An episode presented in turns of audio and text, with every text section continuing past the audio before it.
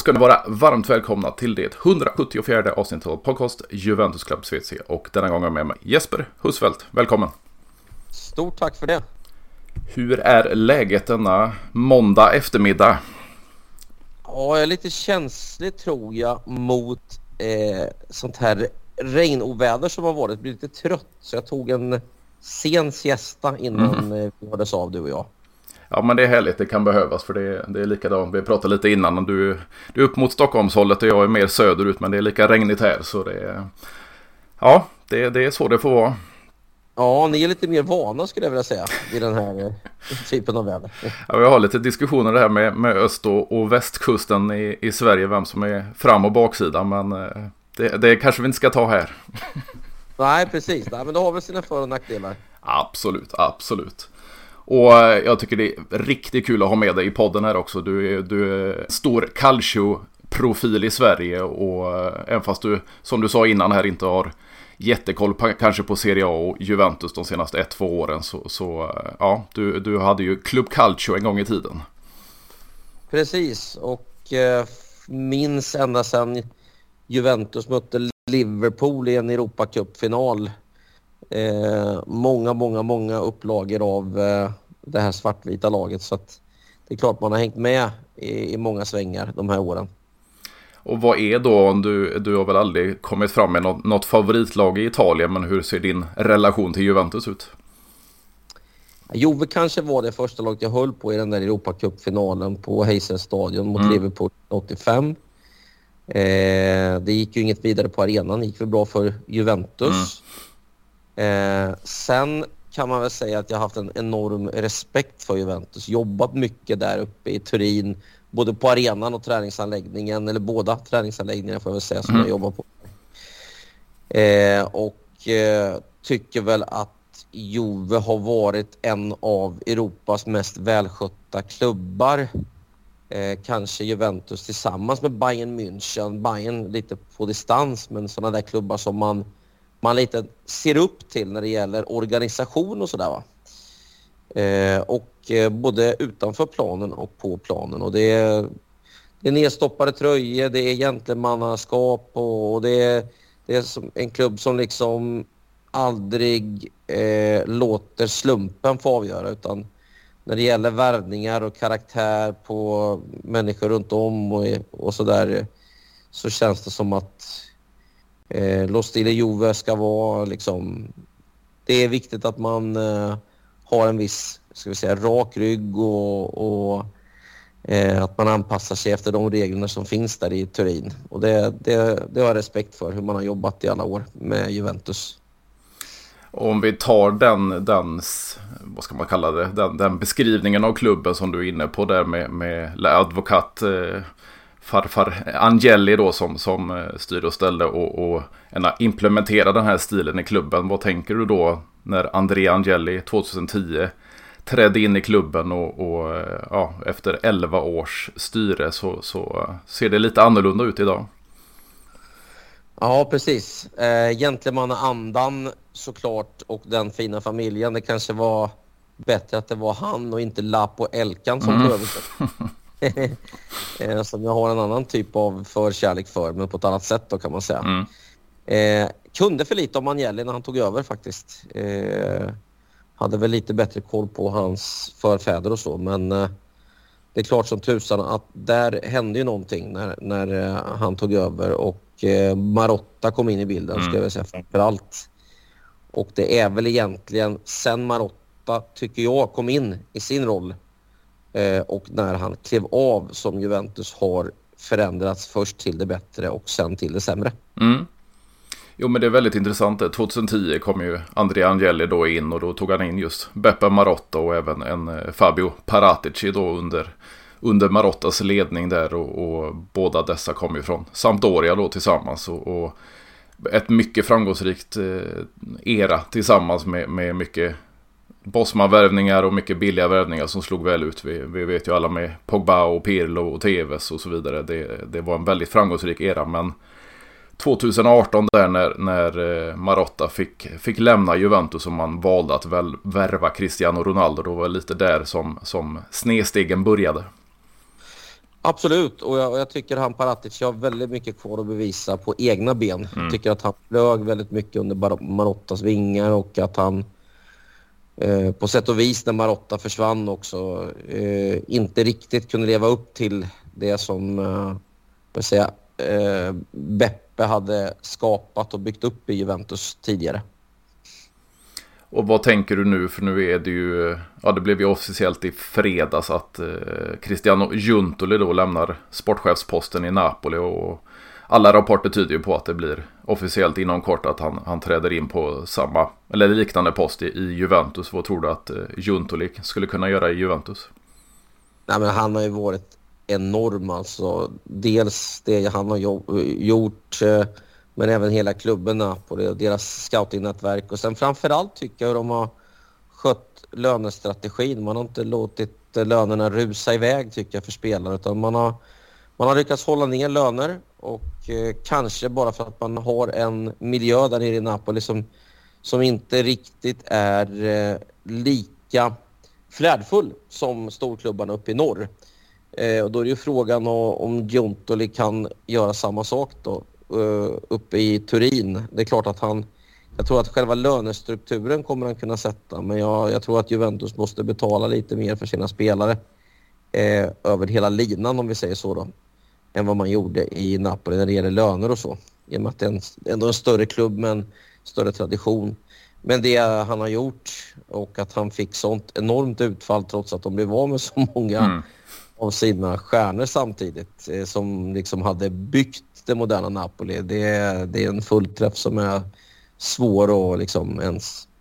Ja, jag kan tänka mig att de själva var smått överraskade när Napoli bara vann och vann och vann under Spalletti förra hösten kan jag tänka mig. Ja, och om man tänker på det, alltså Junteli, vad han har gjort i Napoli under åtta år och, och ändå tagit nyckelspelare och, och sålt väldigt dyrt och sen hittat de här guldkornen i kanske lite annorlunda ligor då med, med en Kvaratskhelia då från, från Georgien och så vidare. Tror du att han kan göra samma sak i Juventus fast med en större plånbok då? Alltså Kvaratskhelia, det såg ju vi svenskar om inte mm. annat. Ett enormt jäkla kvicksilver. Han hade lekstuga med oss redan innan och att han kunde knipa honom så billigt, det tycker mm. jag fortfarande eh, är aningen märkligt faktiskt. Men eh, all cred till det Juntula har gjort. Eh, nej, men idag tycker jag det handlar mycket om att hitta de här spelarna som, som kanske andra inte ser. Eh, samtidigt i en så stor klubb som Juventus måste man göra de uppenbara värvningarna också om man ska tävla mm. med de allra bästa. Eh, men den där mixen tror jag att Jontori klarar av. Jag ser ju liksom ingen som har ett sånt record som han har haft de sista åren så att han måste ju få... Ja, jag har åtminstone själv enorma förväntningar på det jobb han ska göra. Ja, och det känns ju lite som man är barn om man läser alla rapporter som, som varit nu. Alltså det är mycket flyttrykten kring, kring eh, Dusan Vlahovic, kring eh, Federico Chiesa, även Gleison Bremer då i backlinjen. Och säljer man de här, eller någon av de här spelarna ganska dyrt för, för 70-80 miljoner euro som det talas om, då, då skulle Juntoli kunna gå in där och ersätta med någon som kostar hälften och så vidare. Eh, och det, det, är ju lite så han har arbetat i, i Napoli redan. Ja, verkligen. Nej, det, det, har, det är inte mycket mer att till, tillägga. Det är precis som du säger där. Och eh, de spelare du nämner, framförallt de två första, kanske mm. inte har fått ut så mycket som eh, de har potential för. Framförallt Federico Chiesa. Eh, Vlaovic kom ju dit med jätteförväntningar från eh, Florens men har väl kanske inte heller levt upp till de siffror han visade upp i Fiorentina. Så det är klart det gäller att hitta rätt spelare för rätt miljö och så vidare. Båda de där är ju Fiorentina-värvningar. Mm. Eh, jag tror att en sån som Kesa skulle passa bättre med Jürgen Klopp som tränare kanske i Liverpool. Mm. Där forwards går lite mer rakt eller diagonalt in mot mål. Sådär som Federico Chiesa nästan unikt rusar mot mål. Mm. Att man i, i Italien kanske är lite mer sansad i sina eh, anfall ofta eh, än vad Klopp är eh, med, sin, med sitt höga pressspel. Ja, och definitivt och när vi sitter med, med en tränare då som, som Massimiliano och Allegri så, så kanske det är extra viktigt för, för Chiesas utveckling och, och lämna Juventus. Ja, det tror jag. Jag menar, han har ju visat upp både i landslagströjan och framförallt tycker jag i Florens vilken enorm höjd det finns där. Sen har han ju en skadebenägenhet som han har visat mm. upp här, Perin, som har varit jobbig tycker jag. Den historiken är inget vidare att få med sig. Men eh, det var ju inte riktigt, han var ju inte riktigt lika känslig i sin tidigare omgivning så att vi hoppas ju för italiensk landslagsfotboll och även för eh, den här killen som fortfarande är relativt ung, 25 år, att han får en fullträff i karriären och blir så bra som man, man trodde när de vann eh, EM-guld här. Ja, precis. Och det, det, känns ju för mig som, som Juventino så känns det extra illa att han skulle vilja lämna Juventus eller att Juventus vill bli av med honom. Men skulle man välja mellan de här herrarna så då skulle jag faktiskt göra mig av med, med, med Vlaovic. Och, och, det är inte för att det finns mängder av, av nio där ute som kanske eh, vill komma till Juventus. Men jag menar den statistiken han hade i Florens, den, den har han inte kommit i närheten av i, i Juventus. Och får man inte ut mer på ett, ett och ett halvt år mer eller mindre så, så eh, vet jag inte om jag... Jag skulle offra honom faktiskt för, för dryga 80 miljoner euro. Nej, men sen vet jag inte riktigt vad man säger heller eh, i Turin om hur mycket det har att göra med honom själv eller med Allegri. Mm. Eh, som i så många år kanske då passar Juventus-modellen men som inte riktigt har hängt med tycker jag i fotbollens utveckling. Eh, lite för mycket defensivt tänkt och, och tänk och för lågt försvarsspel och, och inget enormt kreativt anfallsspel heller. Mm. Eh, inte som man sitter och gapar åtminstone när det gäller Allegri av det jag har sett. Så att, eh, det är klart att det kanske har varit hämmande också för Vlahovic med honom som tränare. Och vad tänker du kring det? Alltså det blir ju ett nytt fyraårskontrakt för, för Allegri. Nu har det varit väldigt mycket rykten om, om Saudiarabiska bud och så vidare. Efter två år på det här fyraårskontraktet och ändå väljer Juventus att hålla kvar honom. Eh, tycker du att klubben, klubben gör fel i det läget? Ja, men det har varit så många år nu av konstiga beslut, tycker mm. jag, i, i Turin. Eh, efter att Marotta drog, efter att Ronaldo kom in. Eh, när helt plötsligt klubbloggan skulle göras om mm. eh, till någon modern historia. Eh, och där man släppte gamla trotjänare som vunnit mycket. Det var ju tungt tycker jag när man skulle släppa Matuidi och Kedira och alla mm. de här, även om de börjar bli lite äldre. Vad skulle man ersätta dem med? Och sen så har man då chansat på spelare som Weston McKennie som eh, man kanske inte såg samma höjd i, som inte hade samma eh, meriter i bagaget som många andra. Eh, Rabiot, väldigt bra spelare men kanske lite lynnigare personlighet än de tidigare jag nämnde. Och sådär. Eh, och när det blir lite för många sådana värvningar och när man det i kombination med att man då först eh, testade med Sarri eh, som egentligen är rakt emot det Juventus står mm. för och sen Pirlo helt oprövad. Eh, det jag tycker båda gjorde det helt okej okay, faktiskt med det material de fick. Eh, så hade man så lite tålamod med dem och eh, blev stressade på ett sätt som Juventus som klubb sällan har varit, eh, tycker jag traditionellt. Utan man har gett spelare, man har gett tränare tid, man, man vet vad man har gjort. Och det har varit, eh, tycker jag, en känsla av att man i klubben över hela linjen bestämt vilken väg man ska gå. Men att man de senaste åren bara famlat i mörkret trots att man har varit i en ledande position. Så nej, jag tror faktiskt att de fortfarande kliar sina huvuden där och eh, inte riktigt vet vad nästa steg är med den trupp man har idag och vilken tränare man ska förlita sig till i framtiden.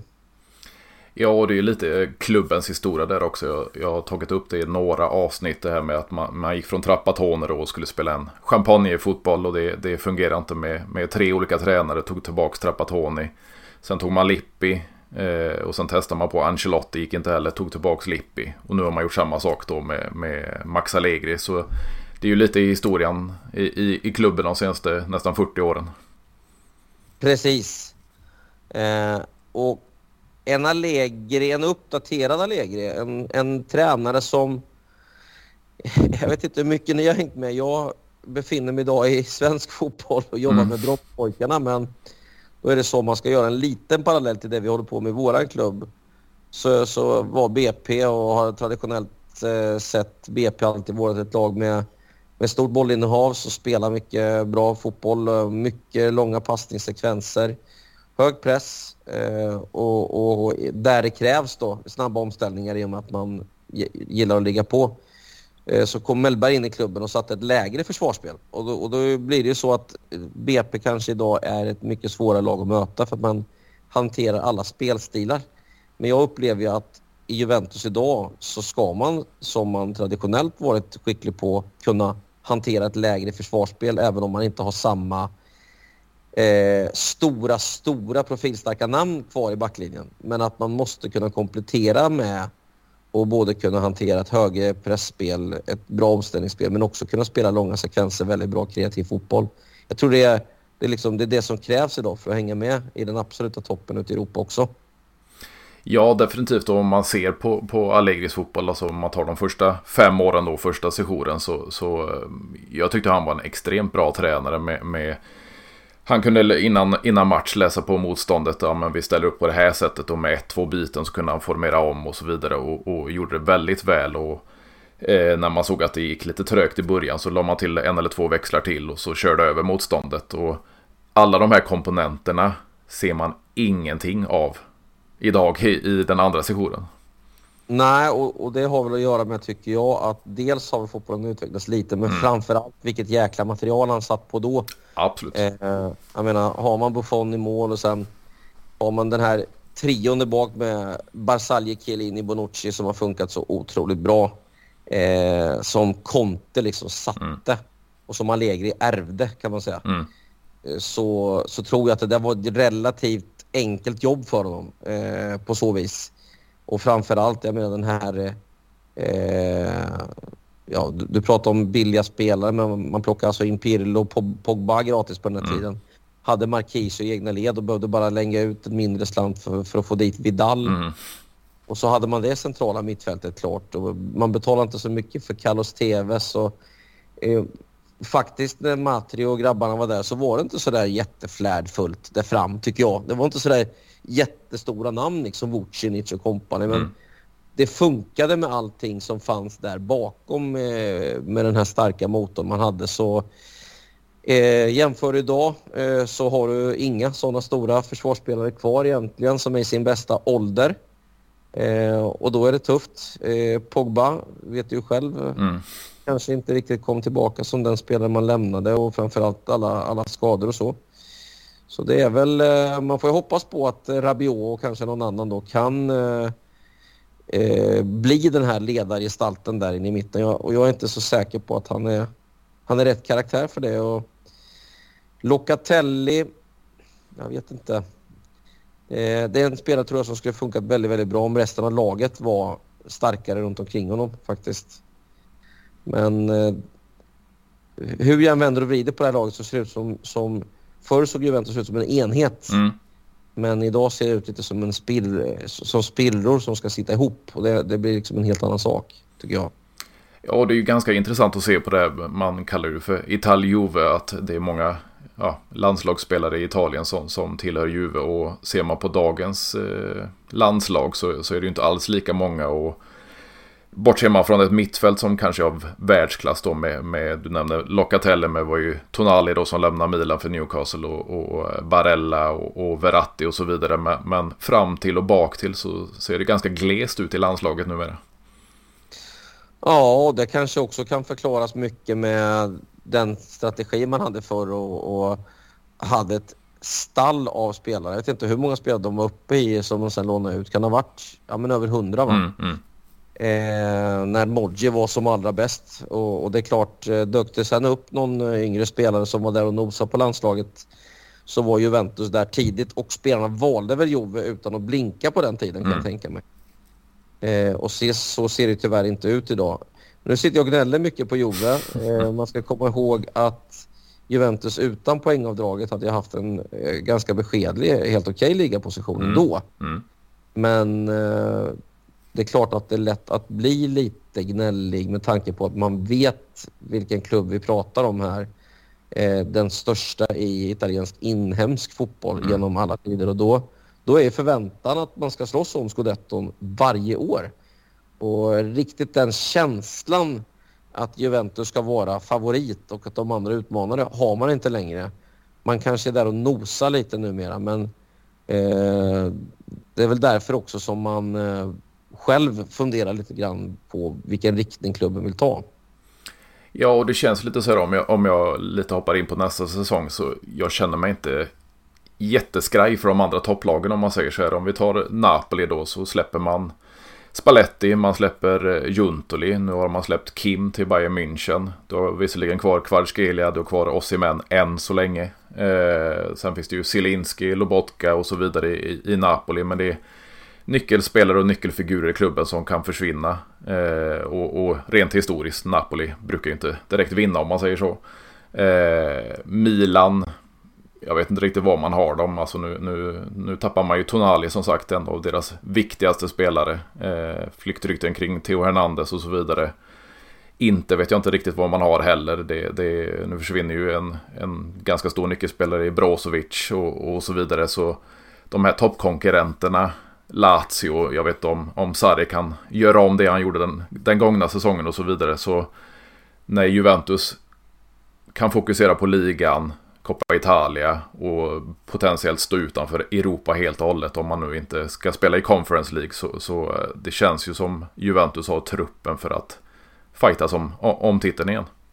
Ja, eh, ja alltså det är ju sju systrar som är samlade mm. där uppe och eh, Atalanta är ju den där humlan i, i det här gänget som egentligen inte ska kunna vara där men som år efter år tack vare det starka fundamentet man har och eh, med den sportsliga ledningen och, och, den här tränaren så, så är det väl så att eh, tittar man liksom på de här klubbarna som du nämner eh, så kanske Sarri kan vara med där uppe med, med Lazio men det är väl ingen som tror att de ska vinna ligan. Nej. Napoli eh, har aldrig lyckats vinna ligan två år i rad.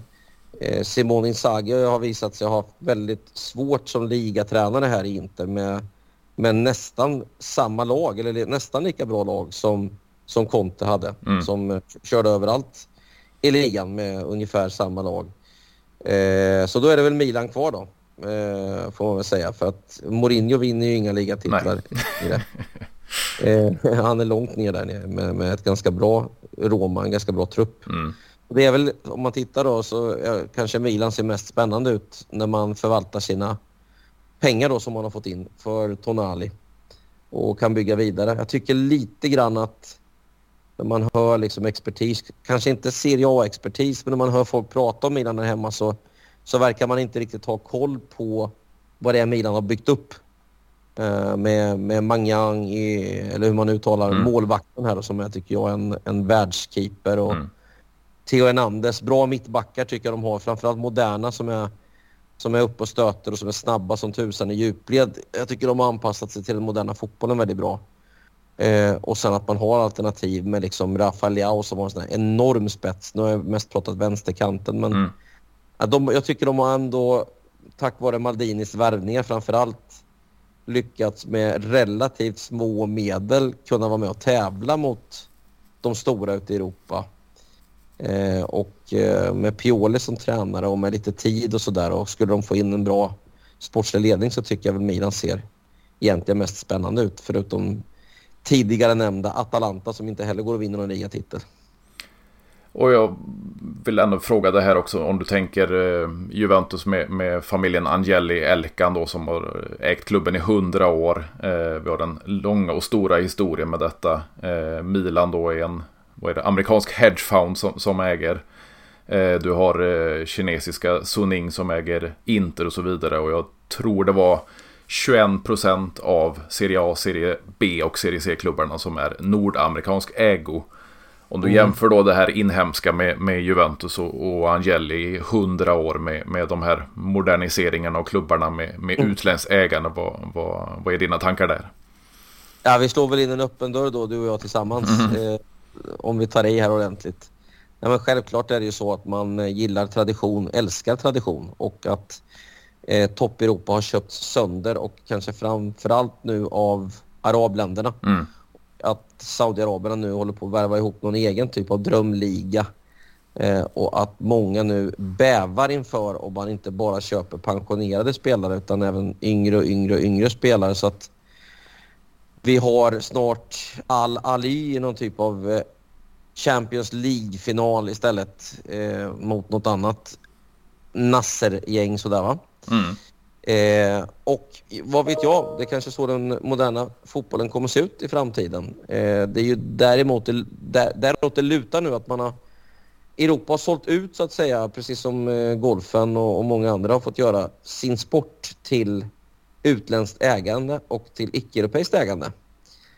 Och det kan bli... Eh, eh, det har redan blivit andra förutsättningar i, i världsfotbollen och vem vet hur det ser ut om 10-20 år. Det kanske är så att eh, de största fotbollsmatcherna spelas i arabländerna. Ja, och det är väl kanske inte en utveckling som vi varken vill se eller eh, hoppas på att få se. Exakt så, så är det. Så att, man vet inte. Det, det, känns lite oroligt inför framtiden som det är just nu med alla spelare som flyttar dit. Sen är det så att intresset är ju så enormt stort inhemskt för alla de här klubbarna och de har ju byggt liksom sina jag ska säga då, varumärken och klubbmärken över tid globalt. Så att det är inte så att Manchester United, Real Madrid eller Juventus tappar i popularitet så snabbt. Så det, det där kommer ju finnas kvar. Men, men rent sportsligt, om araberna har råd att köpa allt det de pekar på eh, och också gör vill göra anspråk på att vara med i de här Champions League-tävlingarna så kanske det blir all Ali mot Paris Saint-Germain i fem raka eh, eh Champions League-finaler om tio år. Och vad tänker du kring, kring just Juventus och, och Angeli Elkan om vi tar bortse från, från De Laurentiis i Napoli, Lotito i Lazio så, så har ju de andra storklubbarna då blivit sålda till, till utländsk ägo. Eh, vi har en Elkan som är god vän till eh, vad är det, Amazon, Jeff Bezos eh, ägaren. Eh, det har varit ett snack om Walmart och allt möjligt borta i USA. Tror du att eh, Angeli Elkan äger, eller äger, äger klubben Juventus framöver? Eh, självklart hoppas man ju det. Samtidigt måste man ju vara alltså en, en, klubb som Juventus måste ju vara med och konkurrera eh, i alla tävlingar och skulle det gå fortsatt åt det hållet som de har gjort sista två åren kan man väl säga så finns det ju såklart en risk för att man måste släppa ifrån sig ägande för att bli konkurrenskraftiga igen. Det är inte lätt att åka med. Eh, Paris och, och, Manchester City. Titta bara vad Arsenal värvar in nu med mm. de pengar som finns i Premier League. Så, men sen hjälper det ju, det hjälper ju att, ha sin egen arena och sådär. Men, men sen måste man ju börja tjäna stora, stora pengar i Champions League igen som Juve gjorde många, många år i rad för att kunna vara med där uppe. Eh, och gör man inte det, då, då är det klart. Eh, då måste man ju hitta ett annat sätt att bli konkurrenskraftiga på och då kanske man tvingas göra så. Eh, sen vet inte jag hur man eh, diskuterar internt och eh, hur mycket man tycker det är värt att inte vinna titeln år efter år. Att inte vara med och, slåss i, i kvartsfinaler i Champions League. Men nog måste det väl svida lite och att man tittar efter lösningar. Det är jag helt övertygad om. Ja, det har ju varit även diskussioner, eller rapporter snarare, om, om eh, minoritetsägande. Att de söker lite mer investeringar och så vidare för att behålla, kunna behålla klubben och, och, och satsa vidare. Och det, det låter väl som en bättre idé i mina ögon åtminstone. Absolut, det håller jag med om. Och vad, vad, tänker du, du var inne på det själv med poängavdraget med, med, efter plus Valenza-fallet eh, då i Italien där, där Juventus åkte dit först 15 minus, sen 0 och sen 10 då till slut. Och Sen förhandlade man, gjorde man en uppgörelse då kring, kring de svarta löneutbetalningarna. Eh, om man tar det i kontext med vad man hör med andra med, med Barcelona. Det var ju rapporter om, om lite med domar, domargrejer där och allt finansiella i Barcelona. Vi ser att Manchester City då med 105 regelbrott och så vidare. Men, men, det verkar inte hända så mycket med, med andra klubbar i andra ligor. Vad, I den kontexten, vad, vad, vad tänker du då? Alltså det jag har fått höra när jag pratar med folk som har jobbat bakom kulisserna inom fotbollen så pågår det ju mycket skit när det gäller värvningar och sådär. Och, och det är inte så renhårigt eh, när spelare värvas till höger och vänster och det för, förekommer väl en hel del svarta pengar. Eh, emellan så med det sagt så tror jag att exempelvis en klubb som Östersund som försökte handla med vita pengar så gott det gick eh, varit ganska hårt straffade. Eh, jag tror att Manchester City har blivit hårt granskade med, med all rätt. Vi får se hur den processen går nu då med, mm. med City. Eh, tittar man på deras transfernetto sista fem åren så har det ju sett väldigt bra ut men sen har ju City spenderat enormt mycket pengar för att komma dit de är. Och då är det frågan, egentligen kan man, det är en fler äggad fråga det här mm. för att om man säger så här, systemet är ju riggat för att det ska bli samma klubbar varje år som eh, slåss om de stora titlarna. Eh, och det är ju så eh, Financial Fair Play är uppbyggt. Så att det, måste ju, det har ju passat alla de här storklubbarna, Bayern München, Liverpool, Manchester United, Real Madrid, eh, att ha Financial Fair Play-regler. För att då kan det ju inte komma in klubbar som PSG, City eller andra, Newcastle, eh, och konkurrera. Eh, I och med att det har varit ett för stort gap däremellan ekonomiskt. Men sen eh, undrar man ju då i grund och botten, är det så vi vill ha en fotbollsvärld? Att man vill se samma klubbar år efter år eller att, att man liksom organiskt ska få bygga sin klubb så att det kanske tar 10 eller 100 år att vara med och tävla bland de allra bästa? Eller ska man få bara skjuta, få skjuta till medel? För det är ju egentligen, om du ser hur affärsvärlden ser ut så är det ju i en marknadsekonomi så att satsar du mycket eh, så kan du vinna mycket. Men det är en viss risk att göra av med pengar även i affärsvärlden. Men vill privata investerare eller till och med företag eller stater ibland gå in med pengar ska de då inte få göra det? Jag tycker det är en större fråga egentligen. Mm. Den andra delen i Juventus-frågan är väl så här. Eh, det är väl bara i Italien man bara kan kasta om under en säsong. Nu rör det Juventus återigen då, men liksom vad, vad är ett straff värt? Är det, är det poängavdrag? Är det liksom att man, man får någon typ av ekonomisk sanktion eller kan det bli eh, så att man till och med får lämna högsta divisionen? Eh, I Italien då kan det vara ena dagen 10, andra dagen 15 och tredje dagen 25. Mm. Och den där logiken kommer vi som följer den här fotbollen aldrig förstå riktigt för det verkar vara italiensk logik. Mm. Eh, men det har ju blivit jävligt snurrigt runt Juventus och jag tror man måste vara extremt insatt för att förstå alla turer runt de här minuspoängen.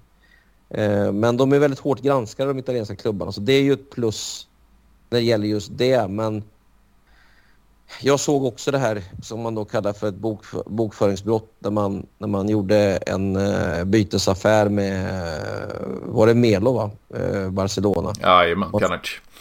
Ja, och man skrev upp värdet på Pjanic enormt. Alltså det, mm. det är klart att man inte är värd de pengarna. Det eh, såg man redan från början. Eh, men det, det, där, ja, det där ser ju ut som ett, ett spel med pengar som man inte får, får hålla på med. Eh, men eh, jag inledde det här resonemanget med att säga att jag vet att fotbollsvärlden är smutsig generellt. Mm. Och eh, då tror jag att de flesta klubbar ända ner till svensk nivå skulle egentligen få poängavdrag om man tog reda på allt eh, eh, smutsigt som händer. Sen är det väl egentligen bara en fråga om hur många poäng och hur mycket pengar man ska få böta eller hur många divisioner man åker ner om, om man ser till hur hela fotbollsvärlden ser ut idag. Ja, och det är lite som du är inne på där att det är just Italien det gäller. För det finns ju inget speciellt regelverk kring det här med plusvalensa eller relationsvinster och som det heter på svenska. Och att Juventus åker dit på det, det är ju för att det finns telefonavlyssningar och, och eh, vissa direktörer i Juventus som kanske inte är så försiktiga med att eh, ja, tycka och tänka till och säga saker via telefon. Eh, till skillnad från andra klubbar då. Ja, då använder man ju ofta kodspråk eh, mm. som man har gjort. Eh, det kan man ju se i, bara i maffiafilmerna. Mm.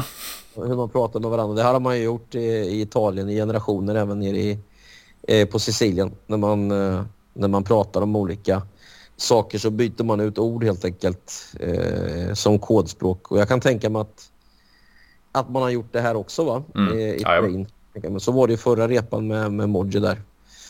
Eh, ja, det är, det är ett fascinerande samhälle. Mycket spännande Eh, Eh, men inte alltid fullt logiskt ska jag säga.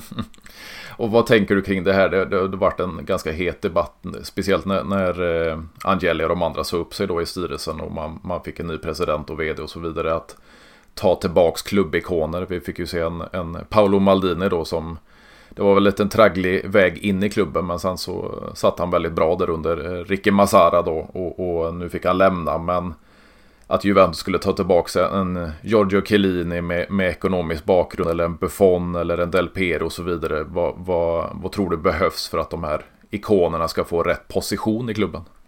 Ja, Chiellini var ju ett väldigt bra förslag. Eh, en eh, hyperintellektuell kille som du säger som också är utbildad och, och så. Eh, det jag kan tycka var ett minus med Agnelli var väl när det uppdagades hur hårt han och Real och Barca tillsammans där hade slipat sina knivar tillsammans för att bygga den här nya mm.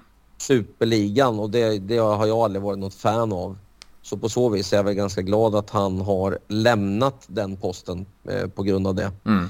Eh, och att det kommer in nytt fräscht blod. Eh, man må vara konservativ men, men fotbollen är så fint uppbyggd tycker jag med klubbar som ja, du kan liksom som Novaras, Novara eller Kevo eller vad du vill kan egentligen eh, med, med, med dagens regelverk ta sig hela vägen till Champions League, även om det är svårt. Eh, BK Häcken kan också göra det. Jag tycker det är jävligt häftigt. Mm. Man inte bara kan köpa sig en plats i en superliga. Eh, grejen är det här med NHL och, och sådär intresserar inte mig. Hockeyn har intresserat mig allt mindre sedan 90-talet. Sen eh, ja, SHL då fick så många omgångar och, och sen det blev svårare och svårare att bara åka upp och ner. Mm. Att det blir för cementerat där uppe. Och NHL är ju egentligen bara en liga med lönetak där den som använder pengarna, ett spel med pengar, smartast eh, vinner ligan. Att man inte då, som i fotbollsvärlden, kan få på ett bättre sätt liksom eh, ja, eh, satsa eh, olika mycket, lite beroende på hur, mycket du, hur, hur, bra du jobbar med din verksamhet, hur mycket fans du kan bygga upp och så vidare. Jag gillar den modellen som fotbollen har och att man kan åka upp och ner i seriesystemet. Så ja, på, på så vis så, så, skulle jag vara jävligt glad om de kan hitta en annan gammal klubbikon som de tror på det mer konservativa och traditionella som man själv är uppväxt med. Ja, och det känns ju som, nu har ju brorsa Chiellini kommit tillbaka. Claudio Chiellini, han är ju numera sportchef då i Next Gen-laget. Men, men eh, vi hade ju gärna fått se en, en Giorgio komma tillbaka också. Sen har man ju haft diskussioner med, med Del Piero och så vidare. Men, men det gäller ju att hitta rätt position för de här gubbarna också. Ja, jag tänkte faktiskt på Giorgios eh, tvillingbror när jag pratade med de här. Det som var häftigt med just Giorgio här, Chiellini, eh, när man har eh, hängt med här under somrarna är ju att han, även om han tog semester som jag förstod det, har varit där eh, på anläggningen och tagit emot nyförvärv och visat dem runt och, och liksom tagit mycket av sin lediga tid för att få nya spelare och anpassa sig i klubben och sådär. Mm. Eh, det säger rätt mycket om honom som person. Eh, tittar man på honom som spelare, vilka kvaliteter han hade, så fick han ju ut extremt mycket men Eh, det gjorde han väl både med smartness och för att han har en sån extremt häftig karaktär, mm. tycker jag.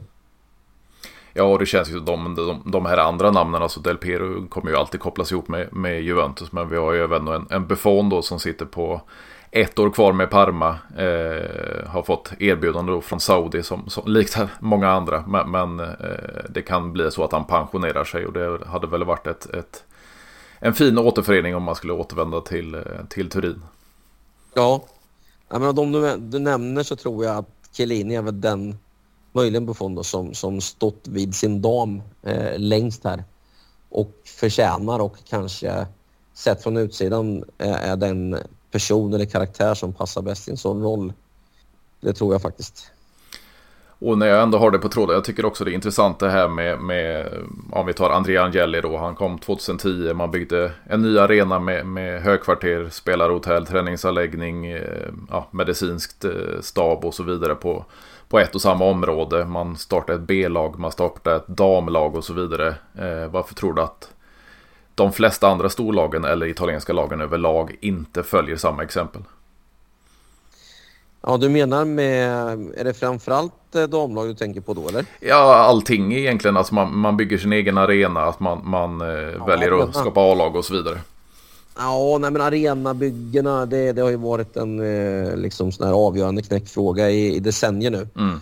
Eh, och det är ju framförallt för att det är bökigt reglemente i, i många av de här liksom, vad ska säga, kommunerna. Mm. Det har varit extremt svårt att bygga nytt helt enkelt och det är många som har fått klampa i det där eh, klaveret. Både kineser och amerikaner som har kommit in i Rom och Milano och tänkt att nu, nu ska vi förändra här men det, det har liksom inte gått tyvärr. Så eh, där kan man ju bara hoppas och det, det, har man ju faktiskt gjort sedan åtminstone 20, eh, nästan 30 år tillbaks eh, på att, att man kan släppa till så att säga så att det blir enklare att bygga om men det är väl framförallt det tycker jag va, som har varit den stora skillnaden va, när det gäller Juventus och andra klubbar. Absolut och, och det här med B-lag det har ju varit länge i, i kanske framförallt Spanien att man, man har ett B-lag och kunna fostra spelare och så vidare. Men det är egentligen bara Juventus som har eh, startat ett nytt B-lag i Serie C då.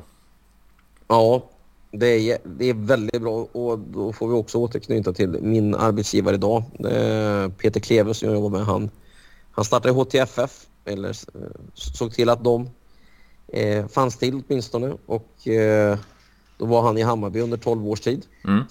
Eh, och det är klart att BP också skulle behöva en, en, en klubb att samarbeta med. Nu jobbar vi ihop med Täby, men det var en av de här första grejerna han gjorde när han kom till klubben. Så det är klart att, att så där tänker de flesta klubbarna tror jag som, som har ett smart tänk på elitnivå. Att att, att ha någon klubb som antingen tillhör organisationen eller som är en samarbetsklubb, det hjälper väldigt mycket att spela in yngre spelare. Så själva den idén är bra. Varför de andra inte har gjort det, jag har inget bra svar på det faktiskt. Jag, jag har ingen aning om varför man inte har gjort på samma sätt som Juve. Nej, för det är egentligen om man tänker så som du var inne på förut, det här med, med om vi går tillbaka till, till Moggi eller vi går tillbaka till Marotta med, med halvägarskap och delägarskap som blev mängder av lån när det blev förbjudet att ha delägarskap och så vidare. Nu är det ju ändå en, en utveckling i samma bana då att skapa ett B-lag och kunna ta in talanger och fostra dem i, i tredje division och så vidare. Men som sagt, det är ju inget annat storlag som har, eh, som har skapat det hittills. Nej, exakt, exakt. Får vi se här vad, ja, hur går det för Fagioli som kom den här vägen? Ja, precis. Han, han fick ju en ganska fin eh, ja, mitt av den här gångna säsongen. Men sen så drog han ju, eh, det var något med axeln så han fick eh, operera. Så han är väl på gång tillbaks. Och sen har vi Meretti och, ja. och så vidare. Så det, det, det kommer några talanger där nerifrån. Ja, de är spännande. Jag har sett dem där spela. Jag tycker de ser väldigt spännande ut. Det är en bit kvar till att de kan bära ett lag men det är klart att de ska spelas in mer och mer. De här. Ser fram emot det. Ja, och det kommer ju även alltså, talanger från, från utlandet. Vi har ju en uh, Samuel Illing Jr. då som, som uh, kom från England och vi har en, en uh, Baranechea från Argentina. Vi har en Solé från Argentina. Nu kom ju Kinan Yildiz då, turken från, från Bayern München och så vidare som, som väljer Juventus och väljer ett, ett Primavera eller ett, ett B-lag då. Så, så det finns ju även intresse från utlandet. Ja, spännande. Och, se vad Timothy Viagor för också i Juve-tröjan. Precis, det är ju det, det nya som kommer in. Och det, jag gillar det här när man, man eh, ja, skiftar ut. Vi har ju en, en tron, ett tronskifte lite på, på kanterna med Quadrado. Förhoppningsvis även Alexandro som får lämna. Så tar man in lite nytt blod på kanterna. Mm. Han gör inte så mycket poäng men eh, det ska bli spännande att se vad Via Junior kan hitta på där då.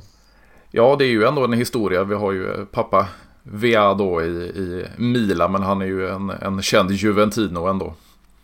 Absolut, absolut. Ja. Så det blir mycket ja, spännande. Absolut.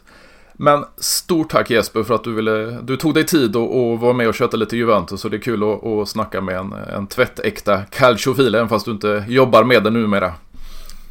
Nej, precis. Nej, men stort tack för att jag fick vara med. Och även om jag inte är lika uppdaterad idag och kanske for iväg en del med mina resonemang så kanske du fick med dig någonting i alla fall av den här lilla pratstunden. Absolut, absolut. Och, och eh, jag tycker du ska, du ska återgå till Serie A någon gång i tiden och, och lite Club Calcio hade, hade nog inte skadat oss svenskar här.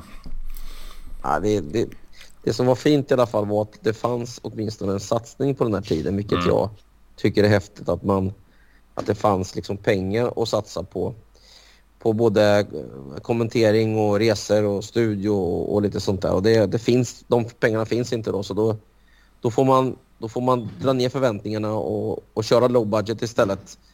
Eh, men jag hoppas att det återvänder eh, en vacker dag till eh, tv-världen, inte bara rättigheterna utan att man kan satsa även lite på ja, renodlade studios och sånt hade varit häftigt. Och, och framförallt att eh, kommentatorerna ska få resa och se matcherna på plats. Eh, eller kommentera matcherna på plats. Mm. Det gör stor skillnad tycker jag.